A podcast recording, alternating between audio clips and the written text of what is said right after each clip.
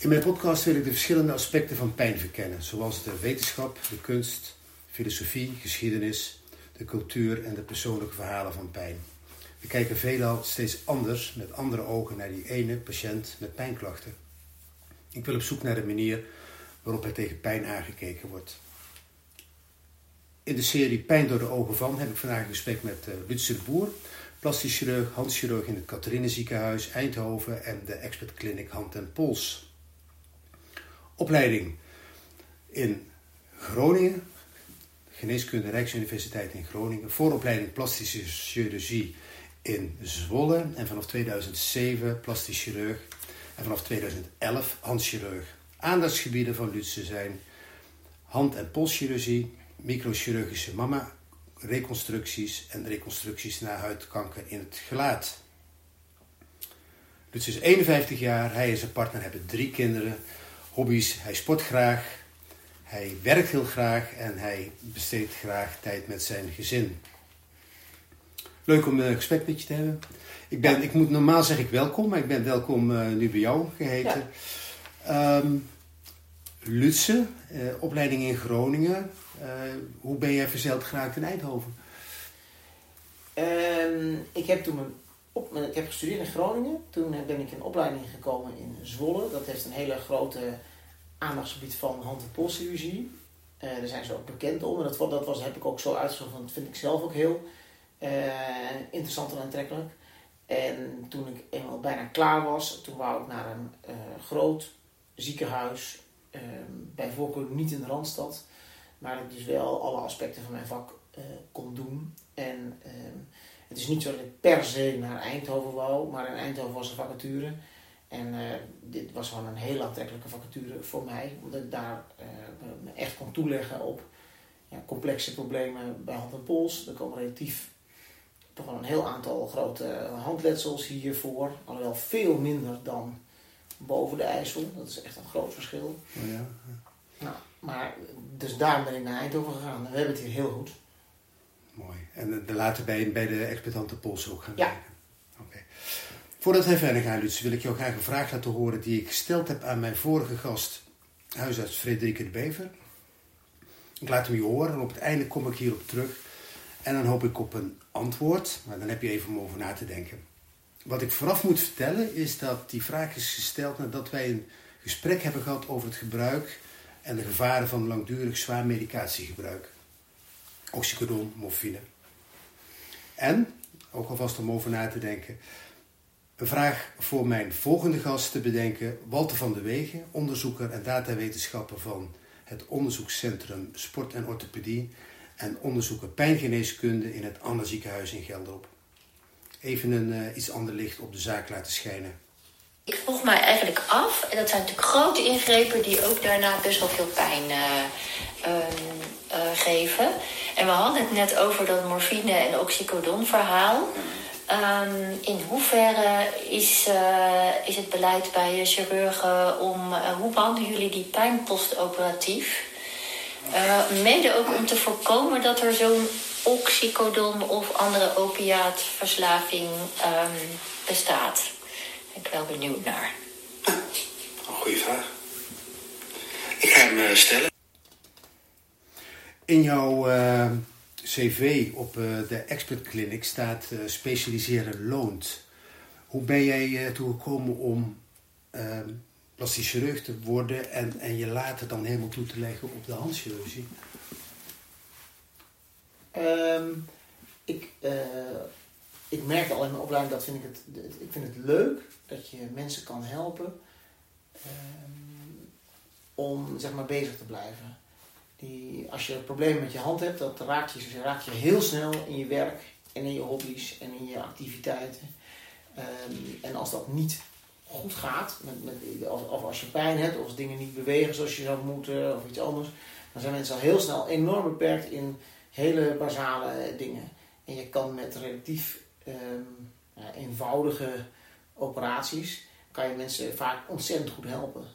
Er hoort dan wel hele, vaak ook best intensieve handtherapie bij. Daarna om te zorgen dat het ook goed gaat. Maar dat maakt het ook leuk, want je hebt dus een heel intensief contact ook met de handtherapeut, ook voor de operatie. eh, dan, dan doe ik de operatie en dan weer na de operatie heb je ook weer heel veel intensief contact. Dus echt team, teamwerk van de, van de handtherapeut, de patiënt en mij. En dat vind ik leuk. Ja. Maar waarom handchirurgie? Uh, waarom niet uh, interne geneeskunde of algemeen chirurgie? Oh, um, ik vind, um, ja, ik denk uiteindelijk als je alles waar je goed in wordt, vind je leuk. Dat, dat, dat, dat, dat denk ik ook echt. Maar ik vond die handchirurgie leuk, omdat, um, en die plastische ook leuk, omdat het is opbouwend. Je begint met iets wat stuk is en dan ga je kijken of je er iets van kan maken. En bij de algemene chirurgie is de, alle kankerchirurgie is heel nuttig en heel goed. Maar eigenlijk komen die mensen daar niet beter uit. Dus, dus, het is super belangrijke, nuttige chirurgie. Maar dit is, ik vind dit past meer bij mijn uh, persoonlijkheid, denk ik. Ja. En hoe heb, hoe heb je de verdeling gemaakt, Katrien en de expert? Ik werk nu uh, ongeveer de helft van de tijd in het Katrien ziekenhuis. Uh, daar hebben we wel eerste hulp, hebben we wel opleidingsassistenten. is het iets die, diverser, zeg maar. En de andere helft zit ik in de Hand kliniek, zeg maar, in de expertkliniek. En Katrien ook de mama-reconstructies? Katrien ook de mama-reconstructies en de andere reconstructies. En um, dat is gewoon een, dat is echt een ziekenhuis en dat, is, dat heeft heel veel voordelen en ook ja. een aantal nadelen. Ja. Wat, wat, is, wat is je operatietijd, zeg maar, zo in de week? 50-50. Okay. Dus, dus ongeveer de helft poli, de helft opereren. Ja. Die, uh, dus je zegt het zelf al, die hand is ontzettend complex. Uh, de handexpertise heeft een enorme vlucht genomen de laatste jaren, volgens mij. Ik ben daar even bij geweest in de beginfase van het handelscentrum. Wanneer is dat zo enorm gaan groeien? Kun jij dat, weet jij dat zo? Ja, dat is eh, in, in specifiek in deze regio of in het, uh, in het algemeen? In, in, mijn optiek was dat daarvoor altijd, dat hoorde bij het vakgebied van de, uh, de algeheel chirurg. Die deed dat wat mee. Oh. Maar dat er echt die handchirurgie zo enorm gegroeid is. Ja, dat, dat is denk ik wel de laatste 15, 20 jaar is dat, zeg maar. Dus, dus in, um, in mijn opleiding, ik ben van 2001 tot 2007 opgeleid, zeg maar. Toen in eerste instantie deed, deed iedereen deed het een beetje. En, um, en, en nee, nu zie je steeds meer dat mensen zich erop toe gaan leggen. En dat is ook helemaal niet zo dat ik vind dat, dat per se een plastic chirurg dat moet doen. Want, je, want ik werk in de Expert klein samen met een aantal orthopeden. Die zijn net zo goed um, als ik. Of net zo slecht als ik, net hoe je dat ziet. Hè? En, uh, maar die hebben zich er ook op toegelegd. Maar die doen ze ook niet meer uh, heupen en knieën. Ja, net zoals dat, dat, ik, dat ik de hele cosmetiek, ja, dat heb ik ook nooit echt geambieerd. Maar die heb, dat doe ik ook helemaal niet meer, zeg maar. Nee, nee. Dus um, en vroeger had je de chirurg, die deed eigenlijk, de, de, de ouderwetse algemeen chirurg, die deed alles. Maar nu in het ziekenhuis lopen die ook niet meer rond. Er zijn er ook de ene is de oncologisch chirurg en dan zelfs nog van onderkant van de buik of de bovenkant van de buik. En de andere is mannenchirurg, de andere is, is vaatchirurg. Dus die komen ook niet meer op mekaars gebied. En dat heeft echt absoluut een, een verbetering in kwaliteit uh, veroorzaakt. Wordt de zorg beter door, hè? Ja, daar wordt de zorg echt beter door. Ja, ja absoluut. Um, je doet veel die hele complexe handletsels. Zie je op tegen de jaarwisseling altijd? Uh, ik heb eigenlijk bijna altijd dienst met oud en nieuw. Want je weet, je weet waarom ik het vraag, hè? Ja. Uh, vuurwerkletsels, uh, oudjaar, eerste, ja. eerste nieuwjaarsdag. Ja, nou, dus de, de, de, het is meestal niet echt met oud en nieuw. Het is meestal de dagen daarvoor en de dagen daarna zien we het meer. Um, ik zie er niet tegenop. Ik vind het wel ongelooflijk zonde als je ziet wat daar, uh, wat daar voor letsels komen, zeg maar. Dat zijn natuurlijk ook niet vaak 65-plussers, hè, denk ik. Nee, nee, nee. nee allemaal nee. jonge mensen. Allemaal jonge mensen. Jonge jongens. Dus, ja, jonge jongens, ja. En um, wat aardig is, is dat, uh, het is een beetje gechargeerd, maar um, van de letsels de, rondom met vuurwerk, dan zien wij zien de daders en de oogarts ziet de slachtoffers. Dus um, de oogarts, de mensen die een pijl in hun oog krijgen, hebben het ding nooit zelf afgestoken. En um, de mensen die dus hun, hun, hun handen of vingers eraf blazen, dat zijn bijna altijd de mensen die, die ook zelf uh, dat ding hebben aangestoken. En dat geeft wel een aparte dynamiek in de behandeling ook. Omdat het is heel lastig om te zien dat iets je overkomen is wat je zelf hebt gedaan. Dan zie je dat mensen daar heel veel... Het, maakt het, het maakt het heel lastig voor mensen om mee om te gaan. En ook heel begrijpelijk lastig voor mensen om mee om te gaan. En dan heb je er waarschijnlijk ook nog, ja, niet bij de operatie natuurlijk, maar daarvoor en daarna heb je er een heel gezin bij. Ja. Ouders? Hoe, hoe- Ouders. Hoe, hoe doe je in relatie tot pijn, hè? daar ben ik een beetje naar benieuwd. Hè? Want er is natuurlijk, we hebben ze toen ook gezien in het handelscentrum. En dan dan zit daar een jongetje van eh 15 jaar en die mist twee vingers. En doet wel heel, stuur, heel stoer dat hij nooit meer 10 bier kan bestellen. Ja. Maar ondertussen, hè, bedoel je, er zit zoveel verdriet achter. Ja, er zit ontzettend veel verdriet achter. Ja. En ehm, dat is ook wel eh, wat we heel veel zien hoor. Dus, en ik denk ook dat door de bank genomen, door te weinig mensen eh, naar een psycholoog gaan of iets anders gaan. Want het is, het, is, het is echt heel lastig. Maar ook als je je vinger eraf zaagt, met, met, met, doordat je even niet oplet op je werk. Ja. Eh, dat heb je ook zelf gedaan. Er zijn echt ontzettend weinig mensen wie, bij wie er door iemand anders een vinger afgaat. Of door iemand anders een, een, een, een, een pees wordt doorgesneden. En je ziet heel veel mensen die, die hun, hun ja, in ieder geval voor de komende maanden, hun leven verandert echt enorm, zeg maar. Hun beroepsperspectief verandert soms tijdelijk, maar ook best vaak blijvend. Ja. En dat heb je zelf gedaan. En ehm, ehm, dat moet je je wel toe verhouden. En dat is heel, eh, heel lastig. En wij kunnen ons enorm focussen op het, op het technische gedeelte. Zeg maar behouden wat je kan behouden. ehm, eh, eh, dingen maken. En zorgen dat het weer, weer goed gaat. Maar heel veel dingen kan je gewoon niet, niet maken. Zeker met het vuurwerk. Er zijn, er zijn heel veel dingen die zijn absoluut niet meer te maken. Je kan er wel iets van maken, maar het wordt nooit meer wat het was. Nee, maar kun je dat technisch blijven zien? Op dat moment wel, ja. Ja? Ja, ik kan relatief ehm, eh, clean kan ik ehm, eh, beoordelen van nou god, wel, is dit, wordt deze patiënt hier beter van en wordt deze patiënt hier niet beter van. Ehm, eh, best vaak zijn mensen ook, hebben ze alleen een blok van hun arm, dan zijn ze gewoon, gewoon wakker, kan je ook mee overleggen. En je hebt sommige dingen zijn heel knap, maar niet nuttig. Dus dus, dus eh, als iemand met, zijn, met één vinger in een, ehm, eh, de- eraf heeft en die komt hem, eh, komt, komt hem brengen en die zegt kan je hem eraan zetten. Nou, technisch zal dat best vaak wel lukken. Maar het probleem is, die, die vinger wordt niet alleen stijf, hij heeft ook betrekkelijk weinig ehm, eh, bewegelijkheid. En wat heel veel voorkomt, is dat de mensen koude intolerantie krijgen. Dus die, die krijgen gewoon pijn in die vinger onder de 15 graden. Ja, dan zit je in Nederland in het verkeerde land. Ja.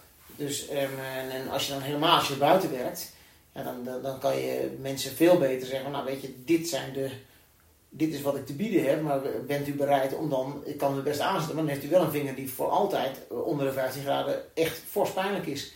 En dan zeggen heel veel mensen, nou dat lijkt me toch even niet zo'n goed idee.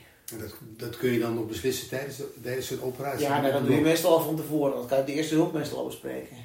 Zijn er zaken die je tijdens zo'n operatie moet bespreken?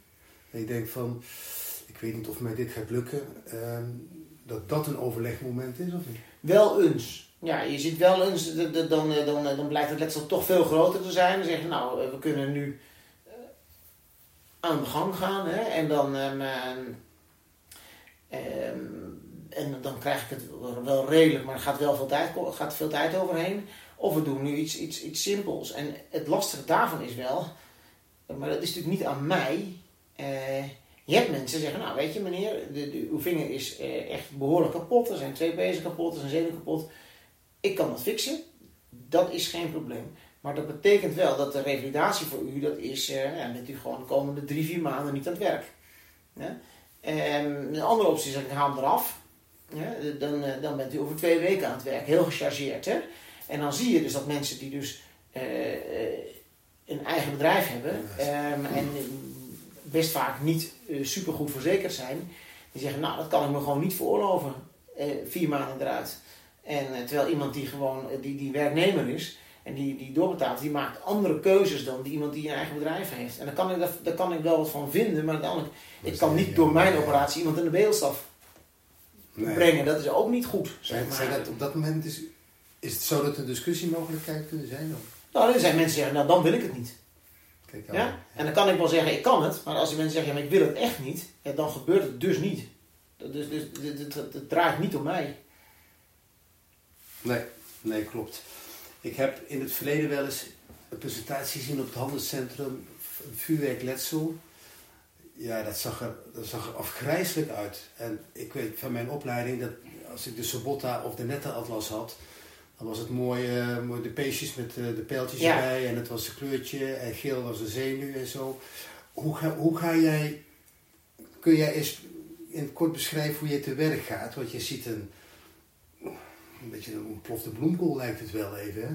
Dat het echt zo'n enorm letsel is. Ja, nou kijk, ja, dat is, dat is ook niet, niet makkelijk. Je begint met eerst echt heel goed schoonmaken. Dan wordt het al een stuk beter van, vaak. Eh, en dan zijn er gewoon dingen die zijn gewoon absoluut dood. Dus, dus bepaalde dus stukken huid zijn absoluut dood. Ehm, eh, losse stukjes bot die erin liggen, die moeten er gewoon eerst allemaal uit. Want alles wat dood is, kan je toch niet meewerken. Is net als als je een huis gaat verbouwen, dan moeten eerst moet de rotte, de rotte kozijnen, die, die ga je nooit meer, die laat je nooit zitten, dus die moeten eruit. En, dan, en als, als je dat gedaan hebt, dan ga je kijken, wat heb ik nu, nu over eigenlijk. En ehm, dan, eh, ja, er is meestal niet veel weg, zeg maar. De, dingen liggen soms wel ver van elkaar af. Maar het is niet, en, en sommige dingen zijn onherstelbaar kapot. Hè? Dus als je echt zo'n, hebben nu sinds een jaar of zes, zeven denk ik, zie je die Cobra, wat ik veel, zes of zeven of acht, die, die, eh, dat is, dat, is dat, dat echt dat hele heftige vuurwerk uit de Polen komt. Ja, daar is echt heel weinig aan te verhapstukken. Dan, dan, dan gaan er echt heel veel, dan, ja, mensen die dus met één vinger eindigen of met twee vingers eindigen. En, ehm, elders hadden ze een jongetje van, van 12 die tot met zijn, met onderarm geamputeerd werd. Ja, dat is wat, wat echt, als het, als het één brokkenboel is. Maar meestal kan je wel gewoon zeggen, nou dit botje moet op dat botje. En dan, eh, als, als je begint gewoon met, met, met het, het, het botgedeelte, want dat is, dat is de basis. Daarna doe je de pezen en dan doe je daarna doe je de, eh, de, de bloedvaten en de zenuwen. Maar je bedenkt wel van tevoren al van kan ik deze bloedvaten maken. Als je weet dat bloedvat ga ik nooit kunnen maken, dan hoef je ook niet aan die botten te beginnen. Het begint met de bloeding. Ik, altijd, ik heb toen, wat ik niet vertelde het nog, is dat ik daarna ook de foto zag hoe het gerepareerd was. Moet ik altijd een beetje denken aan, ken jij uh, MacGyver? Ken, ken je dat? Ja? Ja. Oké, met een stukje duct tape en uh, lucifer doosje de meest mooie dingen maken, maar het ziet er Ja. zo knap uit. eh, Ja. Hoe dat dan gerepareerd wordt, hè? Ja. Met een eh, stukje duct tape en een zakmes. Ja. Nou, we hebben iets meer spullen dan Ja, ja, dat snap ik, ja. ja. Mogen je kinderen vuurwerk afsteken? Nee. Nee, dat is heel duidelijk. gaan we niet doen. Ja, kijk, je zit nu niet helemaal in de hand. Ja. Maar ik ben er wel heel duidelijk in. Ja. En ik, ik, ik heb ook wel eh, mijn- plaatjes op mijn telefoon. Waarvan die mensen ook weten dat ik ze op mijn telefoon. Die laat ik ook wel zien, zeg maar. Dus, dus, dus ik zeg van jongens, dit is het gevolg. Ja. Dit kan gebeuren. Ja. Ja. Rond oudjaar nooit bij eh, de familie de Boer gaan spelen met vriendjes en zo, want eh, die worden Ja, nou, nou, hier, ik, zie, ik zie allemaal mensen, je ziet allemaal jongetjes lopen met zo'n Ja. zak met, met, met vuurwerk. En het, en het probleem is natuurlijk met, met alles zo, dat gaat natuurlijk bijna altijd goed. Ja, tuurlijk. Ja. En totdat het fout gaat. Ja. Met, met, met, met hetzelfde geldt voor alle letsels. Dus, dus, dus, dus bij al dit soort dingen, het gaat bijna altijd goed tot het fout gaat. Ja. Ja. De, de mama-reconstructies. Eh, in het handen gebeuren is er veel ontwikkeling geweest, grote ontwikkeling. Is dat bij de mama-reconstructies ook zo, dat er minder invasieve operatietechnieken zijn, dat het allemaal wat makkelijker gaat, wat sneller? Eh, nou, we hebben wel, wat, je, wat, wat, wat een eh, grote verbetering is. Vroeger had je eigenlijk gewoon eh, maar, maar twee smaken. Of de borst eraf, of een stukje van de borst eruit. Ja, dus, dus- en je kan niet zoveel van de borst eruit halen, want die moet daarna ook nog bestraald worden. Want dat hoort bij borstbesparende behandeling, zonder dat die borst echt enorm gaat vervormen. Dus als het dan veel was, dan, ja, dan was het eigenlijk gewoon, dan was het eraf beter. En eh, nu zie je steeds meer dat we steeds beter vanuit de omgeving stukken weefsel kunnen verplaatsen naar die borst. Waardoor je en de vorm van de borst veel beter wordt bij, eh, zeg maar, als je alleen maar een borstbesparende behandeling doet. Ehm, die vrouwen hebben dan ook daarna veel minder pijn vaak van de bestraling. Ehm, omdat de huid niet vastplakt aan de spieren daaronder. En ehm, je kan ook een bij een grotere tumor kan je nog steeds borstbesparend behandelen, zeg maar. En je ziet voor de totale reconstructie van de borst, zie je steeds meer eh, dat we gaan naar een lichaams-eigen reconstructie. Dat is dus, dus, dus bij wat wij doen veel is vanuit de buik het vet en de huid van de buik. En die blijft vastzitten op één slagader en één ader. Die priegel je uit de buikspier. Die knip je daardoor. En dan heb je dus een stukje, heb je gewoon een stuk buik, vet en huid los in je hand. Dan heeft het andere team heeft al een stuk rib weggehaald. Daar komt weer een slagader en een ader onder vandaan. Dat sluit je aan onder de microscoop. Die zijn 2 mm in doorsnee ongeveer. En dan kan je zoiets maken wat helemaal lichaams-eigen is. Het is zacht, het is warm, het veroudert met je mee. Heeft voordelen, echt grote voordelen ten opzichte van een prothese. Alleen het is wel een veel grotere operatie. Met ook echt meer risico's. Dus Zit je zelf ook in de ontwikkeling daarvan? Nee, nou, kijk, die, die, die, behandeling die wij doen, daar wordt het natuurlijk wel steeds handiger in. Maar dat is, dat is iets wat, wat al eh, nou, ja, 25 jaar gewoon best wel gebeurt. En de laatste 15 jaar zeker. Maar ik ben wel, ik, in Eindhoven was ik een van de mensen die dat als eerste ging doen. En ook, ook als eerste op, op wat grotere schaal ging doen, zeg maar. Dus, eh, maar nu zijn we met meerdere mensen hoor. In, zowel in Maximaal als in Katrien. Die dat echt wel heel, heel regelmatig doen. Team eh, ehm, plastisch chirurg is groot hè, in Eindhoven. Ja. dat geloof ik. Ja. Hoe groot is die club inmiddels? We zijn nu met z'n dertienen zijn we nu. Ja, dat is veel. Ja. mooi. Lutse, voor je liggen vijf kaartjes. Zou Ja. jij er eentje willen pakken en is ik ben benieuwd wat jij daarvan vindt. Hoe is het voor jou om te zien dat iemand heel veel pijn heeft? Ja, dat vind ik echt vervelend. Ja. Maakt wel uit ehm, of ik er iets aan kan doen of niet. Wat is moeilijk? Ja, als ik er niks aan kan doen, vind ik veel moeilijker dan als ik er wel iets aan kan doen. ja, Ja, ja, ja. Ja, maar dan nog, hè, want ik bedoel, eh, of het lijkt, het heeft de leeftijd van, jou, van, je, van je ouders, of het heeft de leeftijd van je kinderen, of van Oh, dat jezelf. ook. Ja, dat Dat ook. dat, dat ja. ook. Ja, dat is, nee, dat, dat, dat, dat, dat vind ik echt vervelend. Ja, dus, dus, maar het is. ehm, nee, ik, ik leef echt mee, maar ik leef niet in. Snap je? Dus, dit is, je hebt ook mensen die zeggen: ik voel de pijn zelf. Dat heb ik niet. Snap je? Ik kan heel goed zien van: God, dit is echt ontzettend vervelend voor u. En, en eh, ik doe er ook alles aan om dat eh, minder te maken binnen mijn eh, capaciteiten, zeg maar. Ja. Ja. Ja. Ehm, wij kennen elkaar denk ik het beste van de, de dystrofie-patiënten. Ja. De pain exposure, de exposure therapie, door de pijn heen. Ehm, ken je dat beeld heel goed? Dan jij zegt van, ik, ik zie dat eigenlijk al vrij snel, of dat is iets wat echt in ontwikkeling gaat? Ehm, soms, soms, soms zie je het echt enorm snel, zeg maar. Dus, dus ehm, en dan, dan, eh, dan zie je zo iemand en denk je, jeetje, zeg, dit gaat helemaal fout. En ehm, dan zie je die hand echt paars en echt koud en echt rare haren. En, ehm, maar dat, dat is wel de minderheid, vind ik. Dat, Ja. dat, was, dat is ook iets van vroeger meer dan van nu. En ik denk dat dat komt omdat er veel minder mensen veel minder lang in het gips zitten. Ja. En ook dat, dat in het algemeen mensen, de, de, de behandelaren, veel meer gericht zijn op Functie.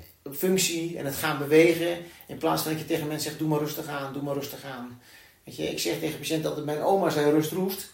En dit is ook echt waar. Dus, dus, dus je, je moet aan de gang. Ehm, maar in die hand zie je het best wel vaak dat je dus één vinger geopereerd wordt. Dat mensen opeens drie stijve vingers hebben. En dat is, en hoeft hij helemaal niet zo raar gekleurd te zijn of iets anders. Maar dat, dat, dat, dat, dat kan je niet verklaren vanuit de operatie aan die ene vinger.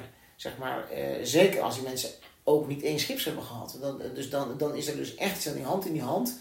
Waardoor die mensen echt een stijve vinger krijgen. En dat is ook niet, niet nep of zo. Want, want, want niet alleen kunnen zij niet buigen, ik kan het ook niet. Hè? Dus, dus, dus, dus het, het is ook echt stijf, zeg maar. Dus ehm, ehm, ja, dat, dan, dat valt er staat dan. Ik vind die, behandeling, die pain exposure behandeling, vind ik echt fantastisch.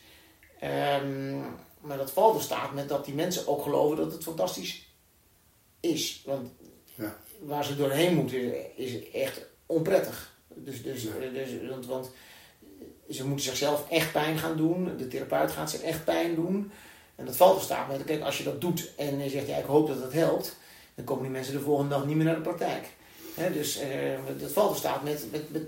Maar ik geloof er ik, met, eh, ik durf het ook te zeggen dat, ik, dat, dat dat goed voor ze is, omdat ik ook zie dat het goed voor ze is. Ik geloof er zelf ook echt enorm in. Je ziet echt zo'n grote verbetering daarin. Het is echt, ik vind dat echt spectaculair. Vind dat. Heb je wel eens, daar zit ik mijzelf ook wel eens af te vragen, had ik in een behandeltraject het eerder kunnen zien?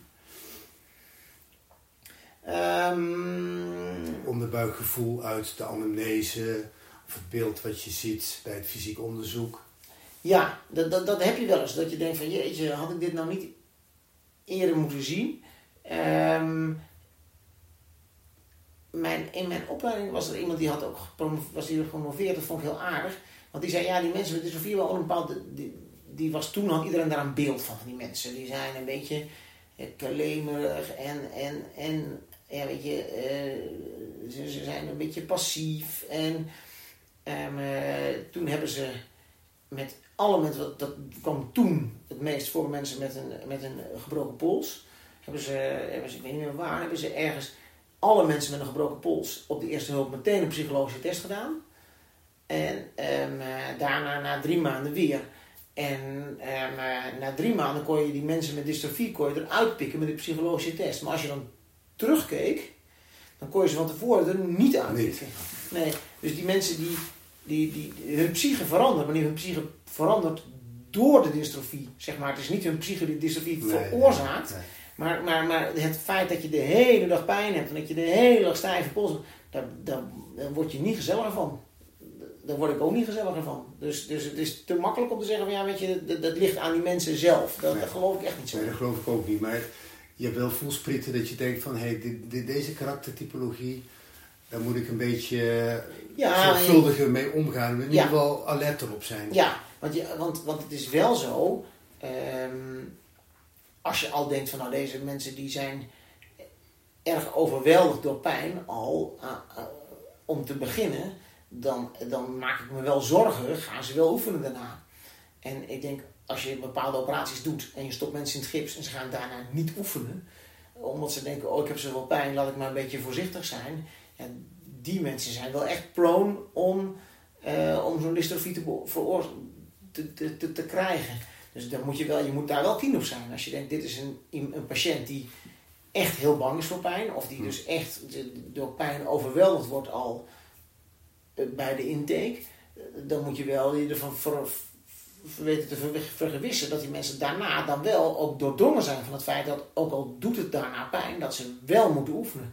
Want anders dan stort je ze in het ongeluk. En dat heb ik dan gedaan. Dat doe je dat went of keert. Hè? Ja. Dus, dus ehm, eh, dan kan je zeggen, ja, u oefent niet. Maar ja, eh, als ik dat van tevoren zie aankomen, deze patiënt die gaat niet oefenen, dan moet je misschien ook niet dingen doen waar oefenen heel belangrijk voor zijn.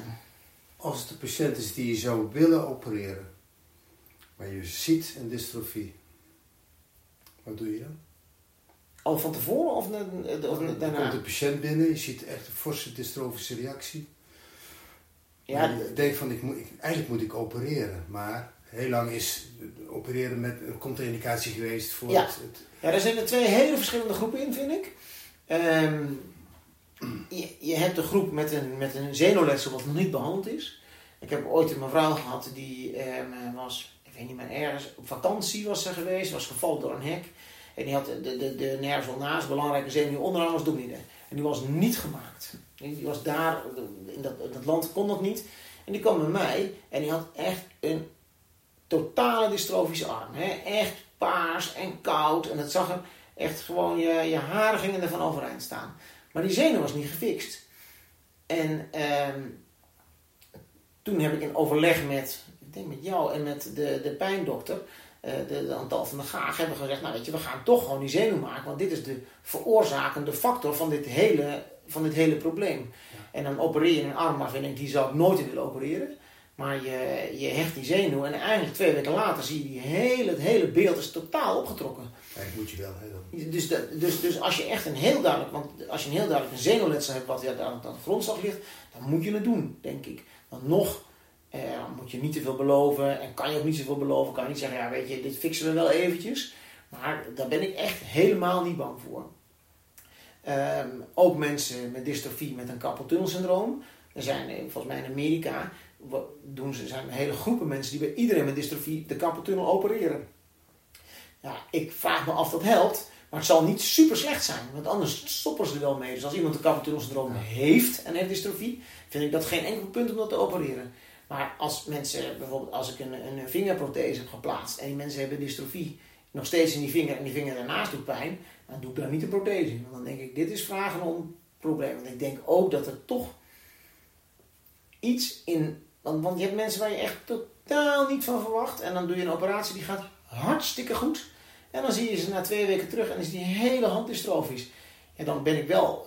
Dan, eh, en dan ben ik wel achterdochtig om die mensen nog een keer te opereren. Die mensen zelf willen dat bijna ook nooit hoor. Dus die zeggen, nou, dit is. Eh, dus dus dat, ik weet ook niet of het dan wel goed gaat, maar dat is in ieder geval een risico wat beide partijen meestal niet willen nemen. Nee. Stel je hebt tien handen met een uh, kapaaltunnelprobleem. Ja. Wat, wat bepaalt wat je wel en wat je niet opereert? De patiënt. Eigenlijk alleen de patiënt. De, de, de, de klinische kenmerken? Of? Nou, nee, hoeveel last hij ervan heeft. Ja, kijk, ik vind wel, er zit, daar zit een, die, die zenuw begint met die zenuwklem zit en dan krijg je tintelingen s'nachts en, en, en dan word je wakker van en dan word je gewoon... Sommige mensen worden één keer in de maand wakker, nou dan moet je erg afvragen, je moet dat opereren. Maar als je op een gegeven moment drie keer per nacht wakker wordt en je loopt naast je bed heen en weer, ja, dan wordt het leven niet leuker van. Dus ehm, eh, en als je dan andere, dus, dus een prikje hebt geprobeerd of je hebt een spalk geprobeerd en dat werkt helemaal niet, ja, dan gaat eigenlijk iedereen zegt ik wil gewoon slapen s'nachts. En dat snap ik ook. Ik wil ook slapen s'nachts. Um, maar zelfs dan, als mensen zeggen ja, uh, ik wil niet, dan gebeurt er niks. Op het moment dat je ziet dat, dat er echt uitval komt van gevoel, of, uh, of dat er een spier de duimbasis verdwijnt, zeg maar, ja, dan begin ik echt een beetje te duwen. Dan zeg ik, weet je, die zenuw is nu kapot ontgaan. Dan kunnen we dit nu laten gebeuren. Uh, maar op een gegeven moment is hij echt stuk. Ja, dan hoef ik ook niet meer de druk eraf te halen. Want dan is maar de vraag die zenuw zich nog herstelt. Dus dan ga ik, dan ga ik meer duwen ja. dat, dat we richting een operatie. En al die andere, ja, weet je, de ene vindt het prima om twee keer per nacht wakker te worden. De andere wordt al gek als hij één keer in de week wakker wordt. Ja, die, jij, hebt niet het onderbuikgevoel van hier moet ik sneller ingrijpen? Mm, nee. Nee. Nee, nee. Dat, is, dat echt gewoon gebaseerd. En met, met andere dingen ook, met duimbasisartrose ook. En dan zeg ik ook van, weet je, sommige mensen hebben echt een verschrikkelijke foto. Maar die zeggen, ja, het gaat prima zo. En ik heb een spalkje en ik heb me prima. En ik wil niet geopereerd. En andere mensen hebben op, op zich een vrij redelijke foto. Um, en, maar, en die hebben wel heel veel pijn. Ja, dan, dan heb je ze wel te bieden. Het probleem zit in mensen die dus een hele mooie foto hebben. En veel pijn. Want ja, want dan dan moet je denken van, goh, waarom hebben deze mensen nou zoveel pijn als de foto er zo uitziet, zeg maar. En dat, dat, dat is wel, ja, daar zit wel een soort um, afweging in die niet makkelijk is soms. Ja. Doen jullie op de hand zetten veel met nazorg bij alle geopereerde patiënten? In principe worden, uh, en dat is denk ik echt een enorme winst. Um, en heel veel mensen vinden dat zelfs ontzettend stom. Um, proberen we al die mensen in de week na de operatie te zien. En dan, um, de, en voor, ja, ik denk 90% van die mensen is dat helemaal niet nodig. Want die, uh, die gaan prima. Maar het gaat erom dat je die mensen die dus niet prima gaat, gaan, dat je die er vroeg uitpikt. En dat betekent dat een aantal mensen, die, die komen een keer te veel. Ja, weet je, de, de, de, dat, dat is dan niet anders. Want, want ik denk dat het de enige manier is om de mensen eruit te pikken die, eruit, die dus wel al heel snel therapie en heel snel aandacht nodig hebben. Ja, ja duidelijk. Uh, ten aanzien van het specialiseren, heb jij nog ambities om verder te specialiseren binnen de handchirurgie? Mm, nee, nee, ik doe eigenlijk alles nu uh, wat, ik, wat, ik, wat, ik, wat ik wil en ik vind het, de, ja, ik vind het zo is het prima. Ja. Ja, niet hele gekke dingen. Ja, je komt nu op een leeftijd dat je toch dat je toch dat wat meer specialere dingen vanuit wat, wat, wat andere plekken naar je toegestuurd worden. Dat zou je zelf ook wel hebben. En ehm, eh, dat maakt het aan de ene kant heel leuk en aan de andere kant soms ook een beetje ondankbaar. Maar de, de, ik vind het voornamelijk heel, heel leuk, zeg maar. Dus, uh, ja, alleen er zijn heel veel dingen die, ja, dan krijg je, of je krijgt er niet de vinger achter, dus je kan het niet maken. Dus je krijgt er, toch regelmatig mensen die je dan toch betrekkelijk weinig te bieden hebt. Maar dat is ook niet dat is voor die mensen wel erg. Aan de andere kant is je kan maar beter weten dat er weinig aan te doen is, dan dat je iemand krijgt die daar maar aan gaat lopen hobbyen en het van ja, van, de, van de druppende regen gaat eigenlijk. Ja. Maar ik denk dat dat ook wel de kracht is van de samenwerking. Hè? Dat, als ik jou introduceer van uh, dat is, uh, daar moet je zijn en, en jij, jij geeft uh, mij de credits alvast vooraf ja. en we zorgen dat we elkaar rapporteren en we zorgen dat we elkaar op de hoogte houden van de patiënt. De patiënt voelt dat. Ja. En die ziet het ook als een team dan, hè? even. Ja. Of het dan een team is met mij, maar je hebt een team met de behandelaar en de, en de chirurg samen. Ja, dat is wel aardig. Ik heb dan ooit, dat vond ik echt een mooi voorbeeld, vind ik dat. Ik had zo'n, nou, was een heel jong meisje, die was, nou, dat mag ik niet zeggen, dat was een jonge vrouw, die was 19 en die was gevallen met hockey. Die had echt, eh, gewoon een klap gemaakt, had echt last van de pols. En ik kon daar niet echt de vinger achter krijgen wat het nou was. Nou, hadden een MRI gemaakt, foto gemaakt, zagen we niks op. Dan kunnen er natuurlijk een aantal dingen stuk zijn. Een MRI is ook niet 100% betrouwbaar. En ehm, dat ze eerst therapie gedaan en toen had ze dat had ook niet zoveel geholpen. Krachttraining had ze gedaan. En eh, nou, toen stonden we eigenlijk voor het punt van, nou weet je, misschien moeten we dan maar een kijkoperatie gaan doen. En toen zei een van die therapeuten van, maar weet je wel dat zij, zeg maar, in de week daarvoor is haar vader in haar armen overleden. Want zij kwam thuis en de vader had een hartinfarct en die, en, en toen dacht ik, jeetje. En toen heb ik dat aangesneden in dat gesprek waar haar moeder bij was. En zei die moeder, denk je dat het daar kan liggen? Ik, ik weet dat niet, maar dit is wel echt een live event. Ja. En um, dat, dat kan best. En toen, toen een week later belden ze op van ja, dat is zo bijzonder, het is helemaal over. Snap je? En uh, daar was ik in mijn spreekkamer nooit achter gekomen. Huh? Want ze komen bij mij, ze is gevallen met hockey. Je hebt een gesprek van, weet ik veel, 10 minuten, kwartier. En uh, je doet onderzoek, en je kijkt ernaar en zegt, nou, dit weet ik niet, we gaan een kijkoperatie doen. Maar bij die therapeut zit ze gewoon zes keer een half uur. Ja. En uh, dat, dat, daar, daar komt een hele andere informatie naar boven toe. En dat is ook heel belangrijk en super nuttig. Ja, ja. Main life events, absoluut. Ja. Ik wil jou de vraag eh, van Frederik laten horen. Ja? Daar komt hij. Ik vroeg mij eigenlijk af, en dat zijn natuurlijk grote ingrepen die ook daarna best wel veel pijn uh, uh, geven. En we hadden het net over dat morfine en oxycodon verhaal. Um, in hoeverre is, uh, is het beleid bij chirurgen om, hoe behandelen jullie die pijn postoperatief? mede ook om te voorkomen dat er zo'n oxycodon of andere opiaatverslaving um, bestaat. Ben ik wel benieuwd naar. Ah, een goede vraag. Ik ga hem stellen. Dat vind ik ook een hele goede vraag. Want ik vind dat echt een enorm gevaar en een enorm probleem, vind ik dat. Ik heb... Uh, ik was helemaal onder de indruk ooit van, dus heb je een Louis Theroux uh, documentaire over. Daar gaat hij ergens in het Midwesten gaat hij naar zo'n stad waar echt ik weet niet hoeveel procent van die stad is, is, is verslaafd aan de oxycodon, zeg maar. En, en laatst hebben we dat, dat painkiller gekeken hier. Um, ik ben echt mordicus tegen uh, dat langdurig gebruik. Um, we zien wel, het is heel nuttig om morfine te geven tijdens een operatie. Want dat is, dat is gewoon goed. En de dag, de, de dag daarna is dat ook prima. En als, als je nou dingen doet die echt heel veel pijn doet, kan je mensen best een, uh, een morfinepompje geven waarbij ze zelf kunnen drukken, kunnen zichzelf niet over um, uh, doseren. Maar ik vind echt dat je dus mensen moeten dus echt niet met allemaal oxycodon en dat soort dingen naar huis toe. Dan worden de, je wordt af en toe gebeld door patiënten van ja, ik heb nog zoveel pijn, kunt u me nog wat oxycodon voorschrijven? Um, en ik, ik, verbied dat eigenlijk ook de assistenten, ook in overleg met de pijngeneeskunde. Ja. Want als mensen uh, naar huis toe gaan en die hebben nog zoveel pijn dat ze nog oxycodon nodig hebben, dan, dan uh, of uh, er is iets aan de hand, hè, dus ze hebben een nabloeding of er is iets mis. En dan moeten ze gewoon komen, dan moeten we kijken of datgene wat er aan de hand is, dat kunnen, kunnen fixen. Hè.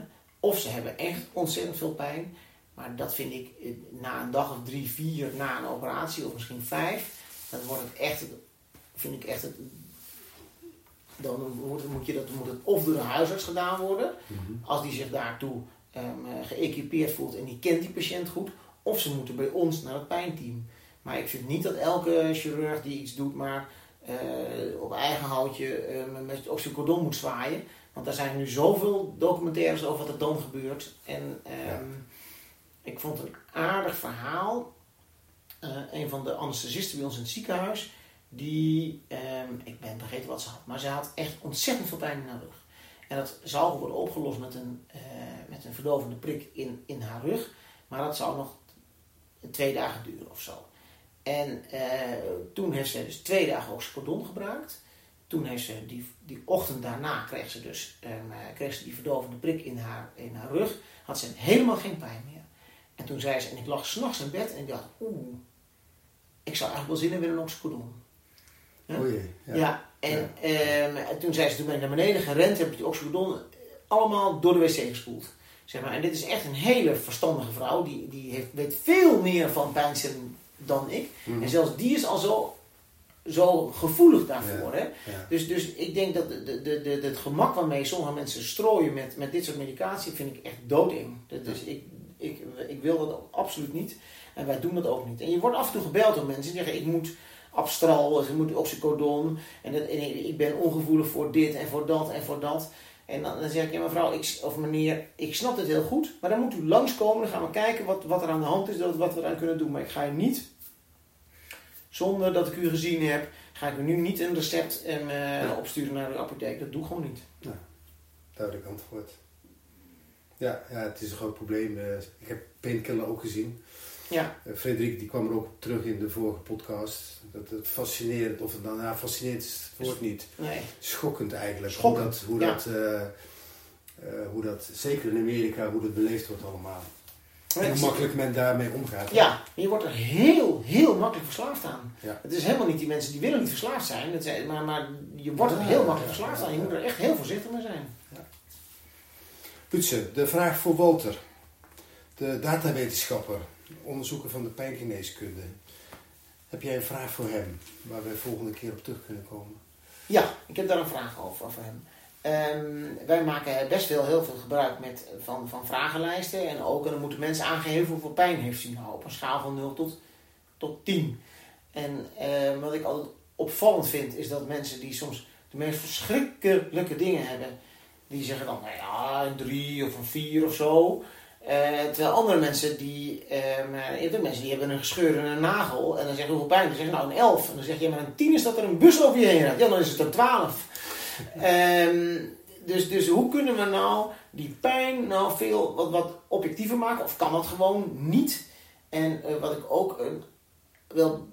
Mensen praten ook wel zeggen: ja, maar ik heb een hele hoge pijngrens. Alle, alle patiënten bijna. Hè? Ja, maar dan denk ik van ja, maar wat, wat, wat is dan. Is er sprake van een pijngrens? Dan kan je praten over mensen met een hele hoge pijngrens.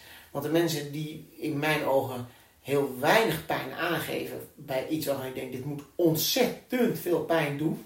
Als je die vraagt, zeggen allemaal, nee, nee, ik heb vast geen hoge pijn. Dus ik vind het echt niet fijn hoor, pijn. Dus, maar die lopen met een gebroken been je eerste hulp binnen, zeg maar. Dus, dus, uh, dus, in hoeverre kan je daar praten over van, van hoe krijgen we pijn nou objectief inzichtelijk? En bestaat er iets als een hoge of een lage pijngrens? Prima, ga ik vragen. Uh, we zitten een beetje aan het einde van het gesprek. Wil jij nog ergens op terugkomen? Wil jij nog iets toevoegen? Nee, nee ik, vind het, ik vind het een leuk gesprek. Ik vind het fascinerend. Ik vind het ook knap wat je doet met pijn. Um, ik zat laatst te denken, dat vond ik aardig. Ik heb een stuk in de krant gelezen. En er stond van mensen die dus uh, de arm zijn, of die dus echt moeite hebben om de, om de, om de um, om, zeg maar de, de eindjes aan elkaar te knopen, die maken vaak verkeerde keuzes. Maar dat, en dat zegt iedereen, dat kan je zeggen, dat is eigen keuze en dan moet je maar niet dit doen, moet je maar niet dat doen. Maar het blijkt uit heel veel onderzoek gewoon dat, dat, dat als je dus echt arm bent en het echt moeite hebt om je eten in elkaar te, uh, te verdienen, dan zak je iets van 10 of 20 IQ-punten. En ik denk dat dat voor pijn ook geldt.